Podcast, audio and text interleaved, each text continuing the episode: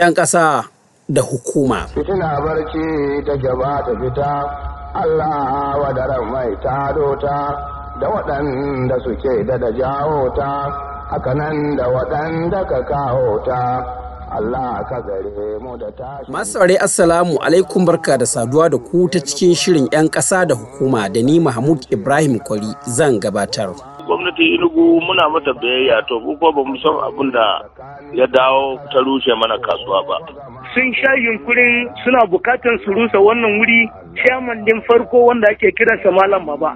To yana da takardun da aka bashi wannan wuri. Muna so a biya mu diya asaran da muka yi. Don na biliyoyin nerori ne bayan an biya mu diya asaran da kuwa su gaggasa taimaka mutane da abinci Yau shirin na kudu maso gabashin Najeriya kan takaddama da korafin 'yan kasuwar dabbobi ta Ojin River Ogowa ba da hukumomin jihar Enugu suka rusa a kwanakin da suka gabata.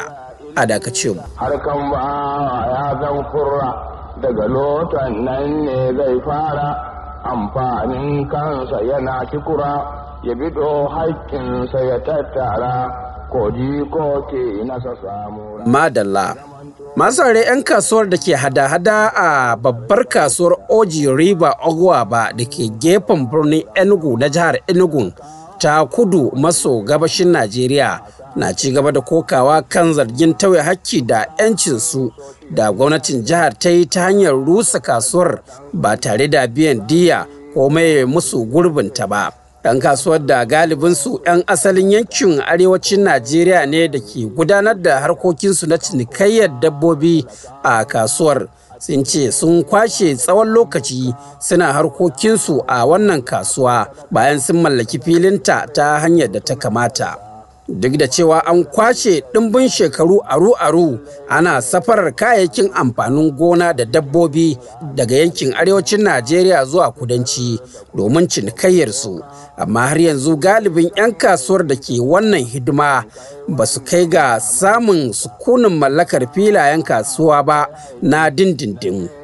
Akan ta sanya a kusan kowane lokaci ake samun takaddama a tsakanin mahukunta a jihohin yankin kudanci da waɗannan 'yan kasuwa dangane da haƙƙin mallakar filin kasuwa. Al'amarin da ke kai ga zargin tauye haƙƙi da 'yancin gudanar da kasuwanci kamar yadda kundin tsarin mulkin najeriya ya yi tanadi.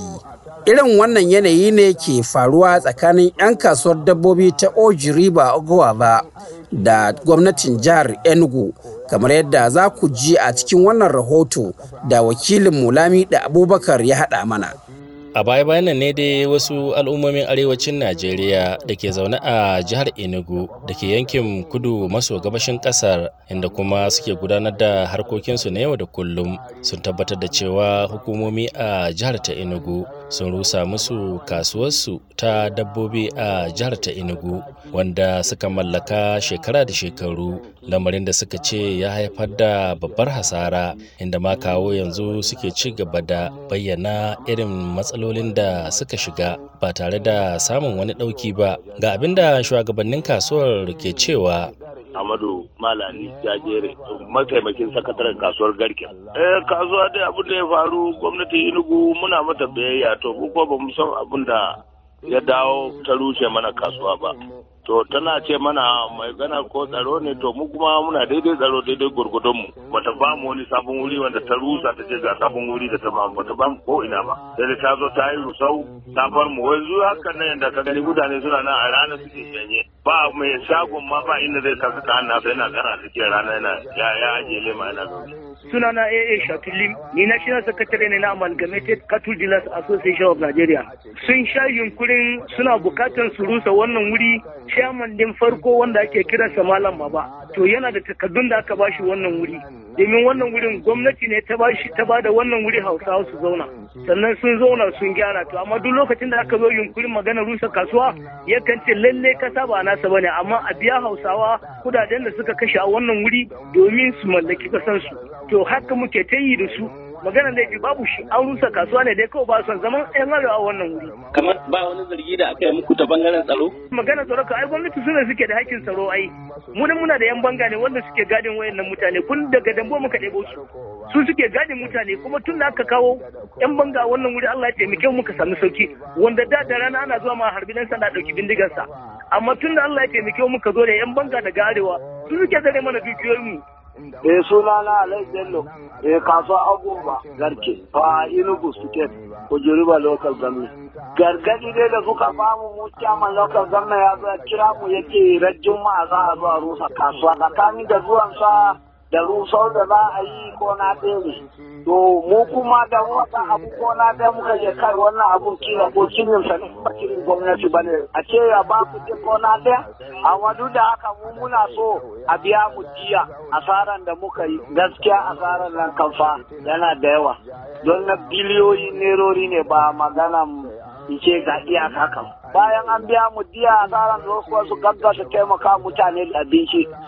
Bayanai dai sun nunar cewa an rusa shaguna sama da 500 a wannan kasuwa har ma da gidajensu da suke kwana. Mutanen garin kuma suna ci gaba da cewa wannan lamarin ya haifar da matsayin rayuwa musamman da rashin wurin kwana. Gama abin da suke cewa shi ma wani da ke zaman ɗan ƙasa a jihar ta enugu da aka rusa ma shago ya ce bai san iya hasarar da ya yi ba. Sunana Sayyibu Suleiman Sala. Gaskiya halin da ake ciki mutane suna cikin halin da ba kyau. In ka zo mutane a waje suke kwana, wasu kan ma a wajen ma sai ta Allah. Wasu abun da za ci ma yana yi musu wahala.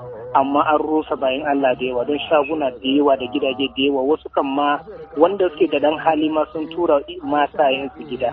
Wasu wanda suke da hali kuma sun sake sayan kayan abubuwa sun zo a wajen suke sayarwa.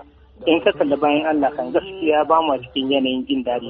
To babban abun ma suka ce kuma za a zo a rusa inda sauran inda muke zama za a rusa za a bar fili ne kawai.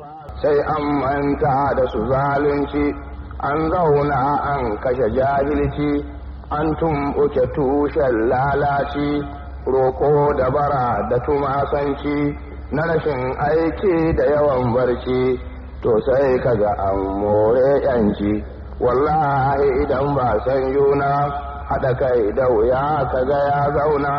Kullum ka gano sabon fitina jayayya ko neman magana. Sai an so juna an daina. Yau ga wasu nan ke nukura don mun san yanci mun nasara. Wasu ma a ciki nasu sun fara haɗa gulu matsakani kan akara.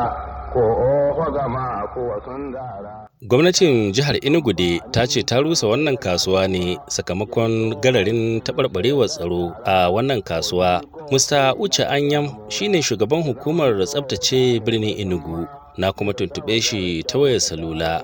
We are after the criminals, the prostitutes, the drug dealers, the gun runners, we are after all those chances that are there because we don't want another yana cewa ne mun rusa wannan kasuwa ne sakamakon zargin da muke musu na aikata ba daidai ba musamman kan matsalolin tabarbarewar tsaro a wannan kasuwa. Mun tabbatar da cewa suna ta'ammali da miyagun ƙwayoyi da aikata laifuka daban-daban da suka shafi sayar da miyagun ƙwayoyi da kuma mallakar bindigogi ba bisa ka'ida ba. Ba ma son abin da ya faru a kasuwar dabbobi dabbobi ta lobanta da ke nan jihar enugu ya sake abkuwa a wannan kasuwa. Shi ya samu ka ɗauki wannan mataki. Repeat of law banta in Enugu state. So those are the An da daɗe ana zargin Fulani a Najeriya da cin karensu ba babbaka musamman kan harkokin tsaro lamarin da suka sha musantawa. Ga abin da mataimakin shugaban ƙungiyar kasuwar dabbobi a jihar ta enugu ke cewa dangane da wannan zargi. Ba abin da muka gani ba abin da muka gani. Ba mu ga komai ba a nan. Don ba mu ga wanda aka kama ba. An ce ma ba mu ga wanda aka kama. Muka tabbatar ga wanda aka kama ba mu shi ba. To yan banga mun daɗe da su. Wannan kusan tun da aka kusan kafa kasuwar bai wuce shekara ɗaya na biyu ba aka kawo su gari nan. Ko ba su da illar da cewa wani abu suna nan muna tare da su. To Allah ya kyauta masu saurare ƙarshen shirin 'yan ƙasa da hukuma na yau kenan sai makon gobe idan Allah ya kai mu. yanzu a madadin daukacin abokan aiki musamman lamido abubakar sakkwato mahmud ibrahim kwali daga sashen hausa na muryar amurka ke cewa huta lafiya. Wassalamu alaikum. Ni garba ina tausan kanmu ba ma fatawar neman samu. Sai a ido a wajen damu. Me ya ni ta bidar ilimi shine manufar mulkin kanmu.